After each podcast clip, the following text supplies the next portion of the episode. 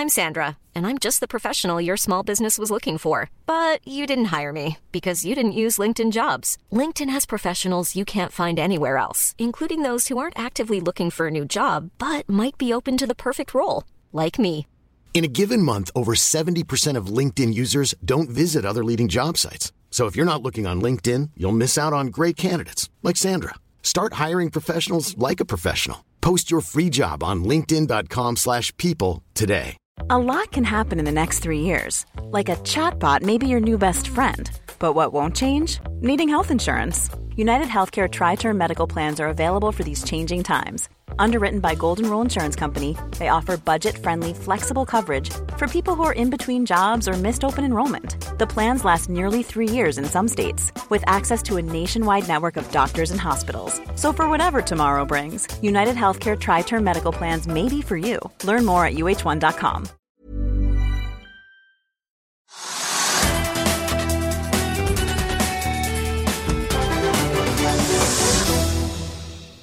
Hei og velkommen til Økonominyhetene. I dag har vi med oss eh, Olav Chen, forvalter i Storebrand. og Han skal fortelle oss hvilke aktive klasser han eh, holder på i øyeblikket. Og Vi begynner rett og slett rett på det. Vi gir jo Olav velkommen tilbake. Takk.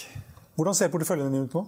Nei, vi har eh, tiltet porteføljene, de taktiske porteføljene våre eh, noe mer defensivt eh, i løpet av mai, og har egentlig ikke gjort noe særlig siden eh, da. Eh, Defensivt betyr at vi er undervektet eh, norske aksjer, svenske aksjer og aksjer i såkalte fremvoksende økonomier.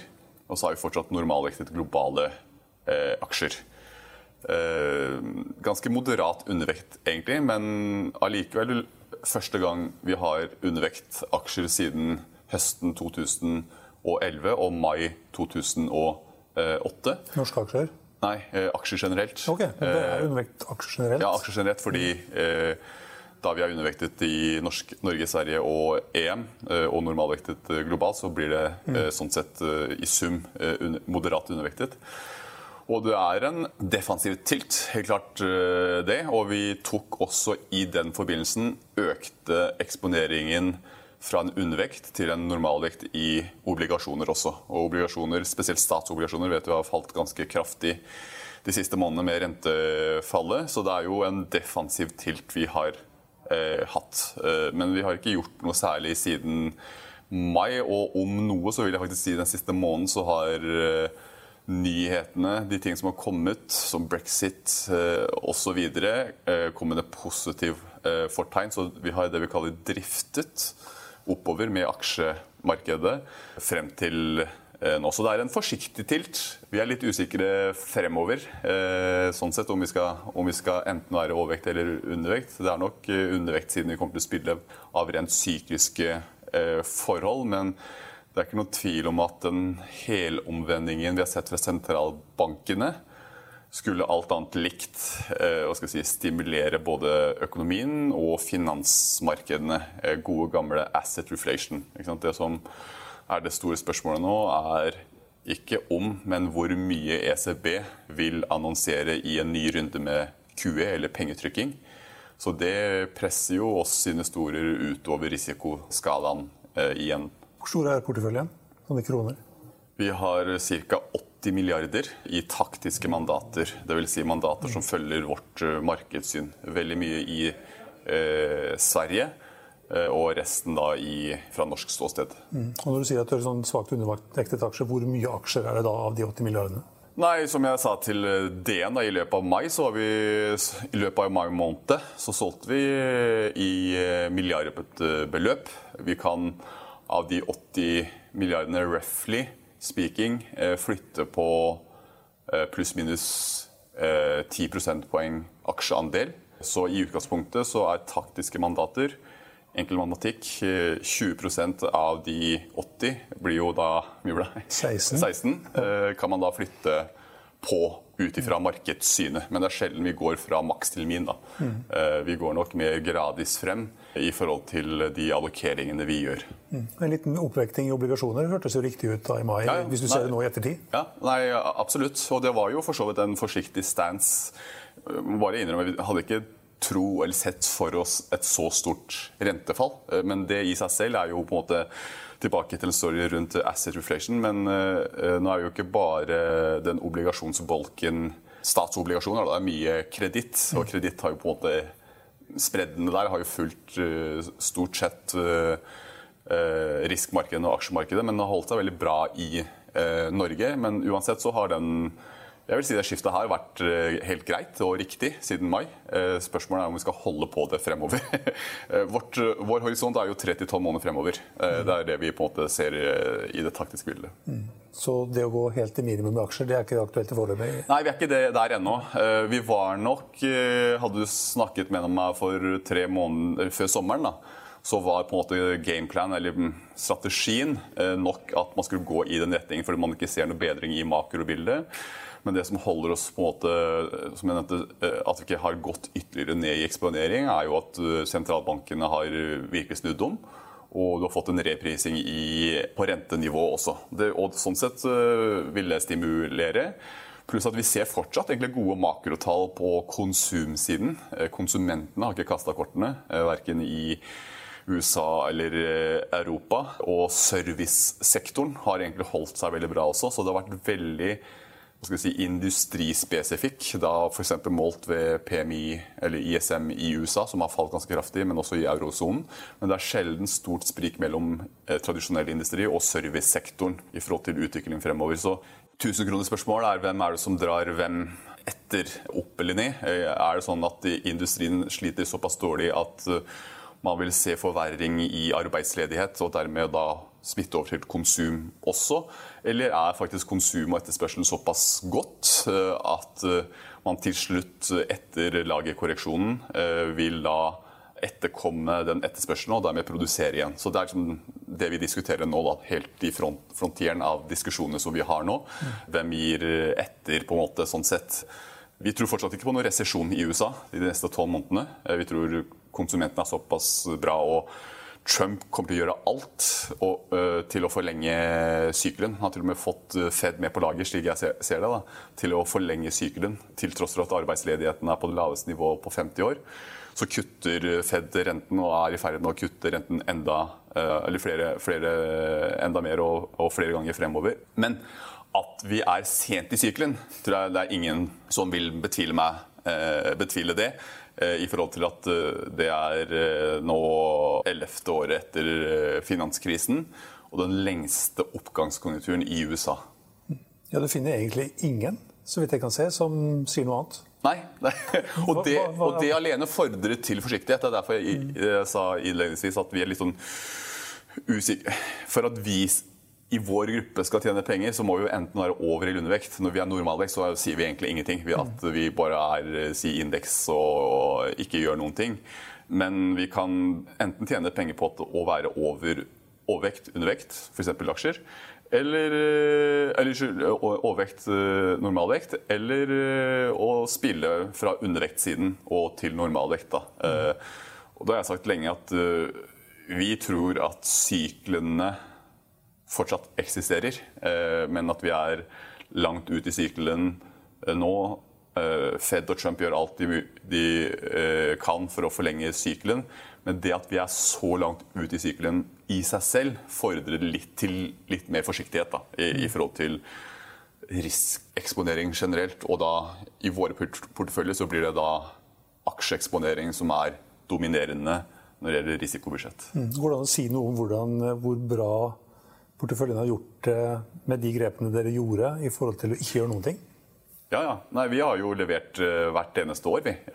Så lenge jeg har tall, bortsett fra faktisk den undervekten i 2000 og eh, høsten 2011 var jo feil. Eh, men vi klarte å komme, ro oss ganske kjapt inn igjen. 2011 var et dårlig år.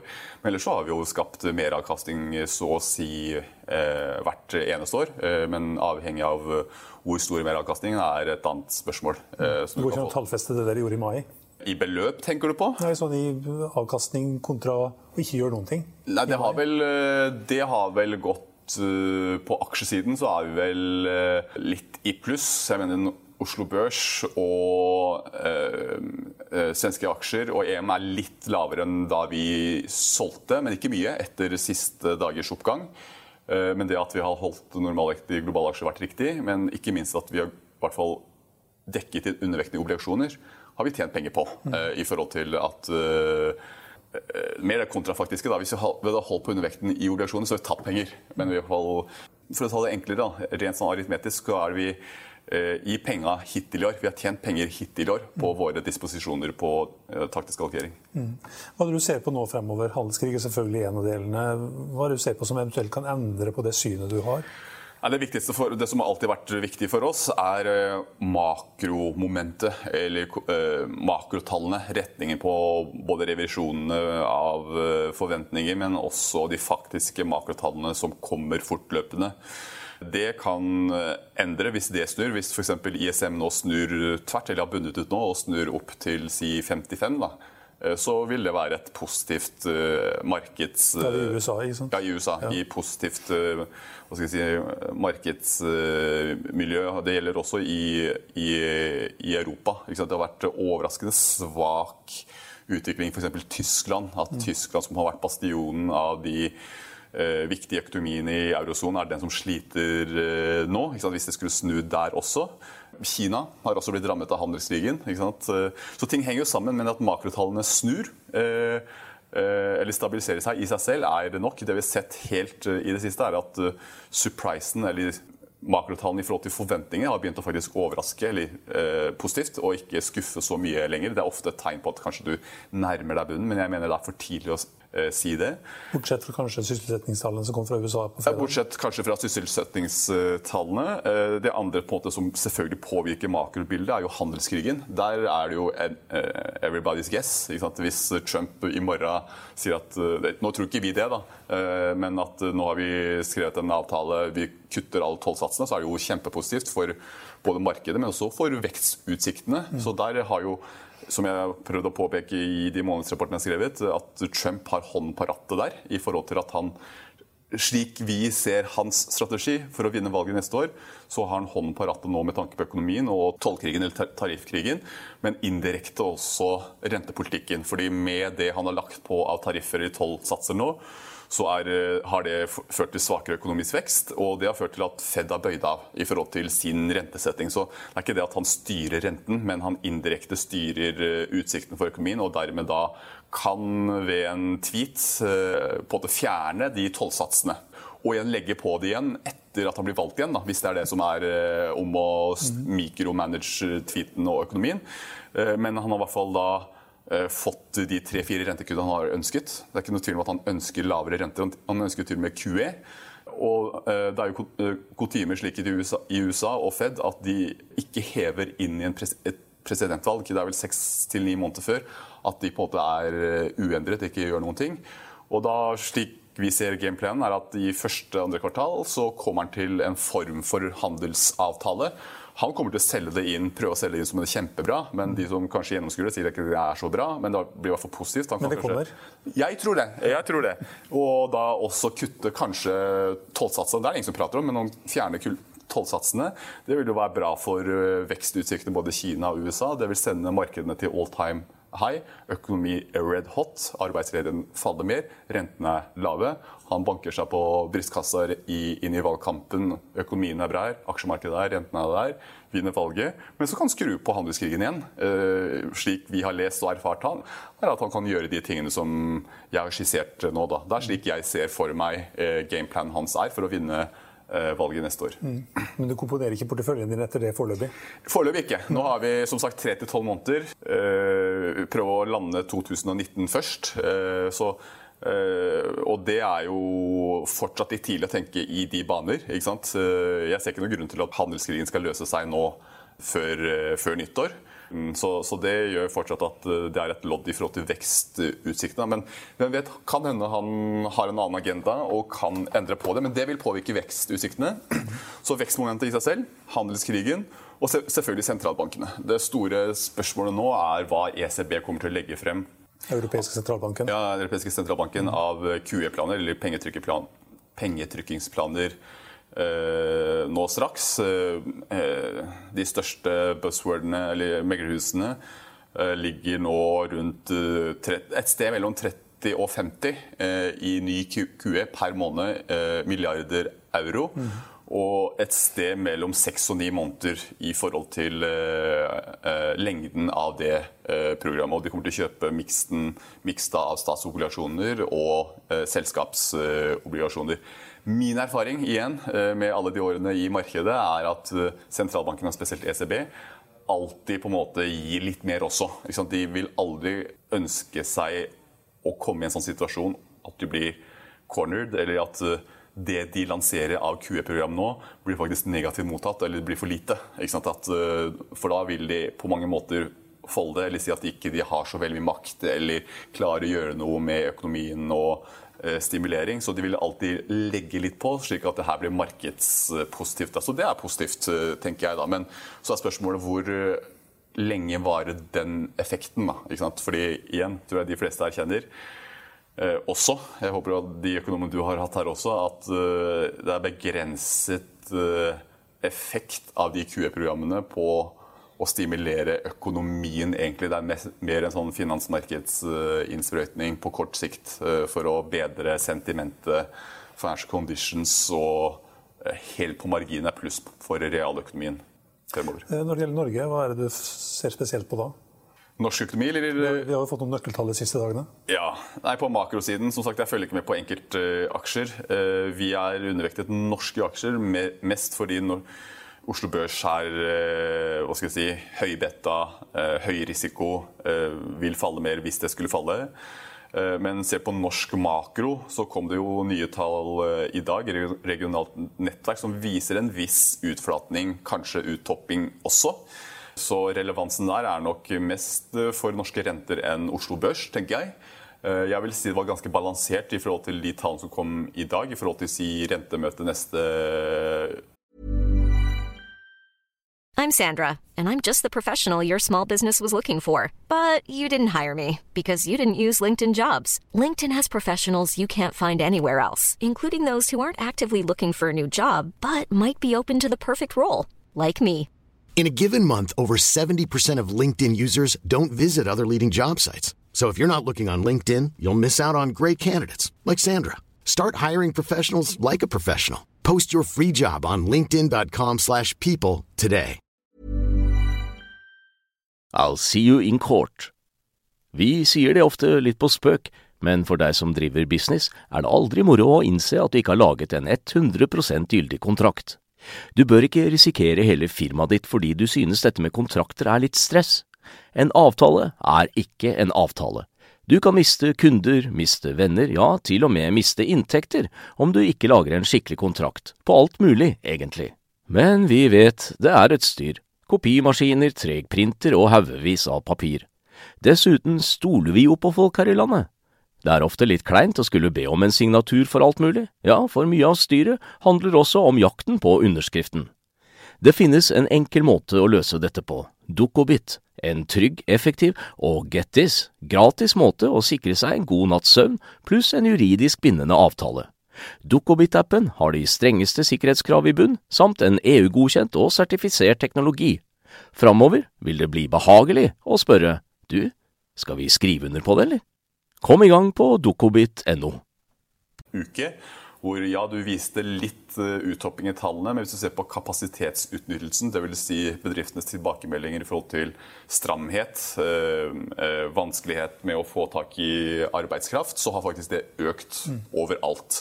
Slik at det uh, textbook-wise tilsier høyere lønnsvekst høyere kapasitetsutnyttelse og dermed faktisk høyere renter. Så gameplan tror jeg er at det blir faktisk en renteheving til i, i september. Neste uke. Eh, neste uke. Mm. Close call, men eh, jeg heller i den retningen der. Eh, noen sier at de kan utsette til desember. Det vil i så fall være litt feigt, men da er de ferdige. Da, de, da, da har de folda, og da har de også sagt at de er ferdig. Og da tror jeg ikke den kommer heller med de utsiktene vi har for global eh, makro. Da. Så jeg, jeg tenker det her er den letteste, enkleste, billigste måten å faktisk Jeg tror Norges Bank vil normalisere renten. Det her er faktisk en veldig billig renteheving i anførselstegn. At når de hever og sier at de er egentlig ferdig, i hvert fall på slik de ser nå på veldig sitt, så vil kronen svekke seg. Eh, rentene vil falle selv på det. da, Så det, det, er, det koster dem lite eh, faktisk å heve i september. Så jeg mener og tror at de kommer til å heve neste uke. Er det det som har vært speila i valutamarkedet de siste dagene, kanskje? De siste par ukene? Nei, nei, jeg tror egentlig ikke det. Eh, nå falt jo kronen litt tilbake igjen pga. svake inflasjonstall. Og jeg tror noen tolket regionalt nettverk litt svakt fordi det toppa litt ut. Men egentlig hvis du ser på detaljene med kapasitetsutnyttelse, så var det faktisk ganske balansert. Jeg tror den kronestyrking som har vært siste uken, er ren risikoappetitt. Som sagt, eh, siste to ukene så har egentlig oppsummeringen av vi har ikke diskutert brexit, men jeg har ikke så mye å si om det heller. Men eh, brexit er iallfall eh, blitt utsatt eh, på mange måter igjen. Alle de pluss Alle de faktorene som har vært siste to ukene, har vært positive. Kina og USA skal prate, prate igjen. Rentene faller ikke mer. Liksom. Man prater ikke mer om resesjon og invertering av, av rentekurven. Litt surprise på makrotallene. Brexit er blitt utsatt. Så det har egentlig vært positive ting. Så jeg tror den kronestyrkingen som vi har sett de siste ukene, er ren økt risikoappetitt. Gullprisen har falt, mm. dollaren har svekket seg. Så på en måte det er litt eh, Hvis du ser eh, summen av faktorer, så tror jeg det er risikoappetitten som har økt, enn eh, forventningen om renteheving neste uke. Mm. Du virker ganske nøytral. Jeg leste en artikkel i Finansavisen i, for halvannen uke siden. Ja. Da virka du litt sånn negativ. Var liksom, nå var det bare cash som Ja, cash is king. Men det er uh, egentlig en residual. Nå ble jo den satt litt på spissen. Da. Uh, fordi når vi er undervekt aksjer, normaldekt obligasjoner, så er jo residualen da et eller annet sted. Ja, Da blir det cash da, eller pengemarked. Da. Fordi du kan jo ikke være undervekt noe mm. uten å være overvekt noe annet. Så residualen blir Men det gjenspeiles i porteføljen vår, så det er en defensiv tilt. Mm. Absolutt. Uh, men, men den aksjeundervekten er egentlig veldig moderat. faktisk, Spesielt etter den driftingen som vi har vært, hatt den siste tiden, hvor vi ikke har gjort noen ting. Vi har ikke rebalansert, vi har bare lagt aksjeandelen faktisk øke med markedene. Så har, så har vi eh, Storebrand kombinasjon, som er et fond som jeg har, så er faktisk aksjeandelen på 50% som er helt på normale. Mm. Men det er en tilt eh, på norske aksjer, hvor aksjeandelen ligger på 13 hvor normalen ligger på 16 da. Og så har vi noe som vi kaller lavvolatilitetsaksjer, som er en defensiv tilt da, som faller eh, mindre dersom aksjer faller eh, generelt. Så defensiv tilt, men veldig moderat eh, undervekt. Kunne du kjøpt gull? Du lov? Nei, jeg syns gull er for det? vanskelig. Nei, vi kan ikke gjøre det. Uh, jo, vi kan kanskje i noen eksterne fond, så er vel råvareeksponering, men ikke gull, kun gull. Ikke, ikke gull ETF, f.eks.? Nei, det, har, det, kan vi ikke uh, i det fondet. Det gjør vi ikke. Men Kunne du tenkt deg å kjøpe gull? Nei, ikke, jeg har ikke helt skjønt uh, Jeg syns det er litt rart nå også. Gull tenker jeg også en safe haven. da. Det er greit, det. Uh, dollar er altså en safe haven, men det er jo ikke noe Jeg tenker på gull eller edelmetaller, da. Edelmetaller som en sånn realaktiva, eller råvare. da. Uh, jeg, hvis du ser på inflasjonsutviklingen, så er jo den faktisk eh, ganske stabil. Inflasjonsforventningene er ned. Eh, så jeg, eh, jeg er ikke noen gull, gullekspert, så ikke, vi er ikke der ennå, verken på, på en måte, i forhold til sikker, sikker havn Hvor skal du gjemme deg? Jo, du har sier cash og gull. Eller i det tilfellet at du får høy inflasjon, at du får en beskyttelse. Mm. Vi har ingen, de, ingen av de scenarioene uh, der. Jeg mener jo den resesjonsfrykten som alene ble trigget av invertering av rentekurven, ble jo vel overdrevet. Uh, det var jo fokuset forrige måned, det, mm. hvor alle pratet om resesjon i USA pga. den inverterte rentekurven. Selv Aftenposten og Dagsavisen intervjuet meg. ikke sant? Da, liksom, alle? Uh, jo, men når de, prater, når de, prater, om inverterte rentekurver, så har det budskapet nådd ganske langt. da. Mm. Det er som når drosjesjåføren begynner å snakke om aksjer? ja, ja, akkurat sånn som når drosjesjåførene faktisk anbefalte meg Oil Service-aksjer i 2013. Det husker jeg faktisk godt. uh, kryptovaluta, er det noe som du ser på? Følger med, men uh, jeg ser ikke noe på det Eh, heller eh, utover. Kanskje litt det interessante for å linke det på makro og på den sfæren jeg ser på. Da. Du nevnte gull, men safe haven. Men det var jo i hvert fall i noen dager litt frykt i forhold til eskaleringen i handelskrigen rett etter sommer her, i forhold til en valutakrig eh, også. Hvor da, etter eskaleringen av tollkrigen, at Trump også brandet Kina som valutamanipulatør. Og det var vel bare et, et formelt steg til at USA eller Finansdepartementet også kunne intervenere i valutamarkedet. Dvs. Si prøve å svekke dollaren. Og i en sånn situasjon hvor på en måte alle hvis alle prøver å devaluere sin, eh, sin valuta da, eh, i en valutakrig, så kunne eh, si en kryptovaluta eller noen annen type valuta, gull også, være noe man ser på. Ellers er min korte svar på bitcoin også det er en spekulasjons... Det er ikke en valuta, det er en spekulasjonsaktiva. Den tilfredsstiller ikke valutakriteriene, men det er et spekulasjonsobjekt til det kjedsommelige tror på teknologien bak. Liksom at uh, blokkjede gjør at man mer effektivt kan utføre transaksjon på tvers av grensene og på tvers av valutaer. Ikke så lenge siden jeg pratet med noen som skulle overføre noen penger i en annen valuta til uh, norske kroner. Hvor tungvint det er, og hvor mange mellomleddet som skal ta provisjon eller gebyr i seg selv. Men da en type uh, blokkjede eller en kryptovaluta Eh, ville da på en måte fjernet alle de mellomleddene der og gjøre ting mer effektiv i form av en, en global VIPS. Da, ikke sant? Mm. Men en valuta, man må blande, ikke blande termen valuta og en eh, aktiva. Valuta er pølsepenga. Du kan ikke kjøpe Du kan ikke bruke bitcoin Eh, til å kjøpe pizzaer eller du, du, kan det, så mange påstår at du kan, eller pølse, pølse da, men, men, eh, det mister litt sin verdi hvis du en dag bruker én bitcoin til å kjøpe pølse eller pizza. Og så en annen dag så er den bitcoinen verdt eh, ja, gud vet hvor mye, og en annen dag verdt mye mindre. Så det mister litt av det kriteriet som skal kvalifiseres som valuta. Det er jo det som, derfor ikke Kina vil devaluere mer. Men det skal være mulig å bruke i transaksjoner. Og det skal være stabilt i forhold til uh, at det ikke er en bananrepublikkvaluta. Helt til slutt tilbake til Norge igjen. Um, boligmarkedet, er, du, er, det noe du har et forhold til eller ser på? Alle har vel et forhold til boligmarkedet? Ja, men Om det er noe som er, om det er et parameter i de makrotingene du ser på? Absolutt. Det kommer jo de, de nye forslag til boliglånsforskrifter i dag, vel. Det har vært litt stille nå i en etter det følger jo, hva skal si, Overskriftene følger jo alltid prissvingningene. Eh, men year to date er vel fortsatt rundt 3 eller så. Så ting har stabilisert seg noe ut. da. Eh, jeg mener boligmarkedet har igjen også vært for mye spekulasjon. ikke sant? At det har vært en enorm omfordeling av formue, så at man, myndighetene har en større rolle i de tingene her. Renter jo, spiller jo en stor rolle, det vet jo alle, men det er mange andre faktorer som spiller inn, også tilbud og etterspørsel.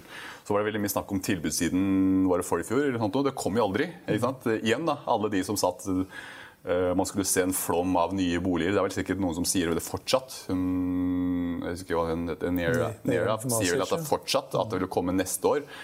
Eh, men jeg, Man snakker om det i flere år, men det har ikke kommet. er mitt inntrykk. Da. Og de som følger med på Finn, er jo at tilbudet har ikke økt noe særlig eh, fortsatt. Så den storyen der er vel mer basert på at utbyggerne også holder igjen hele tiden. De vil ikke flomme eh, markedene med for mye. At de har veldig stor eh, makt her. Jeg tror med det vi har sett historisk, at myndighetene, ref de tiltak som kommer nå, vil holde, prøve å holde boligmarkedet en viss eh, sjakk. De, har, de har ikke noe ønske om en ny boligboble eller husholdningseksplosjon uh, i gjeld. Uh, og at renten ikke kan løse alt, selv ikke uh, boligpris, boligprisutvikling. Jeg tror på stabile, flate priser fremover. Det som er spennende nå, når som på en måte du kan si at rentetoppen er nådd, da, slik det ser nå, ser ut nå etter hevingen i september, Eh, er jo om det kan fyre opp eh, på nytt igjen. Det har vært mye snakk om eh, rekordlave langrenter. Storbrann var jo ute med 2,49 vel for ti år. Det er jo kjempelavt. ikke sant? Om at det kan fyre opp en ny mm. runde med boligspekulasjon og eh, boligpris. da. Derav tror jeg ikke det er ganske betimelig med de eh, reguleringene som kommer nå. Men jeg tror faktisk man i den perioden hvor det har vært litt sånn Texas i forhold til eh, prisoppgang, så har man fått på plass det man kaller makrotilsyn og makroregulering. Så det er flere spaker å dra på for å styre da, boligmarkedet, slik jeg ser det. Det kan være seg eh, si eh, krav i forhold til sekundærbolig, eh, skatt der, eh? Eh, krav til egenkapital, nedbetaling. Det er flere spaker da, eh, som man har nå, enn som man ikke har tidligere, som gjør at, som jeg tror Finansdepartementet eller myndighetene ikke vil at det skal komme helt ut av kontroll. De vil ikke at det skal kollapse, for det vil påvirke norsk økonomi osv. Men de vil ikke at du igjen skal se en prisgalopp på 10-20% med tilsvarende vekst i Eh, gjelden. Eh, for da tar de bare bruk de andre grepene eh, som vi ser nå. Så de har flere verktøy i det såkalte verktøykassen enn rentene alene. Det var litt sånn makroinngang på mitt, det jeg ser på når det gjelder boligmarkedet. Men da tror du på renteheving neste uke? Jeg tror på renteheving neste uke. Mm. Og norske kroner, blir den svakere? Ja. Igjen? igjen? Faktisk. Eh, hvis de kommuniserer at rentetoppen er eh, nådd da, for denne omgangen, eller slik vi ser det, så, så er det jo stor sannsynlighet at eh, kronen kan sekke seg sant, på det. At markedet begynner å prise rentekutt, men at de rentekuttene blir jo ikke levert. Men at rentene faller på det. Men kronen er ikke bare Kronen lever Jeg skal ikke dra inn det med paradigmeskiftet, men Én er med risikoappetitt, det er veldig viktig, men det har jo vært et skift i forhold til eh, nivå, tror jeg. Eh, I forhold til eh, Min hypotese på det er noe tilsvarende det Norges Bank har hatt. At utsiktene for oljeprisen på lang sikt har hatt et parallelt skift. Men jeg tror også det som har skjedd i USA, shale oil, at USA har blitt i større grad en oljeprodusent enn oljekonsument, har skiftet på en måte hva som er positivt for amerikansk økonomi. Nå er det jo, Hvis du ser på aksjemarkedet, så er det nesten sånn at det er positivt når olje stiger. Motsatt. Eller det har vært en korrelasjon eh, der. Men det er jo fordi USA i større grad ble en oljeprodusent også. Eh, Oljeinvestering utgjør en ganske stor andel av økonomien eh, der. Og dermed har du en større korrelasjon og det vi kaller beta i forhold til dollar også. Så når oljeprisen stiger, så betyr det at det er positivt for amerikansk økonomi og dermed dollaren. Og det alene gjør jo da at du får et skift i forhold til kronen og dollar også. At eh, det har hatt en innvirkning. Det ble litt sånn kompleks resonnement der, men poenget er at det har vært et parallellskift uh, i på et nivå, tror jeg, i kronen, som jeg er usikker på om vi kommer tilbake til. Men det er fortsatt, selvfølgelig på kort sikt, uh, fundamentale forhold som rentedifferanse, risikoappetitt og oljepris som styrer, men det har vært et skift i forhold til sammen, de historiske sammenhengene. Renteheving neste uke og innstramming i boliglånsforskriften. Mm. Hvordan vil boligprisen da gå det neste, neste året? Eh, kraftig sideveis. kraftig sideveis. Nei, men uh, slik jeg ser nå, i forhold til norsk utvikling norsk økonomi, og folk som begynner å se eller høre at rentene falt for du har negative renter, det, det, tror jeg er positivt for sentimentet. Og hvis man samtidig ser at uh, jobbene er sikre, at arbeidsledigheten i Norge fortsetter å uh, falle, det er i min bok uh, positivt for boligmarkedet. Folk er mer risikovillige, kommer til å kjøpe, binder kanskje renten på 2,49 osv. Men eh, da vil jo bare boliglåns... Eller Findip da, eh, skru kanskje skruen enda hardere der. Jeg tror fortsatt at det har blitt bygd en del siste årene at tilbudssiden også er mer balansert eh, sånn sett. Jeg ser ikke, og De har gjort grep i forhold til spekulasjon i forhold til sekundærbolig også. Så gevinsten ved å spekulere i bolig tror jeg er eh, sånn sett tror jeg, da, er eh, mindre. Jeg tror, jeg tror ikke på en krakk, jeg tror fortsatt på oppgang. Eh, så avhengig av hvor mye det girer, hvor lang horisont det er, så tror jeg faktisk eh, det er en positiv utvikling fremover også. Tusen takk for at du var med oss igjen, Olav. Det var stort sett det vi hadde for i dag. Vi runder snart av, og vi kan minne om at børskommentarer og gjesteintervjuer det kan du høre på podkasten vår. Den finner du på finansavisen.no. slash podcast. Vi er tilbake igjen i morgen klokken 15.30. Følg med oss igjen da.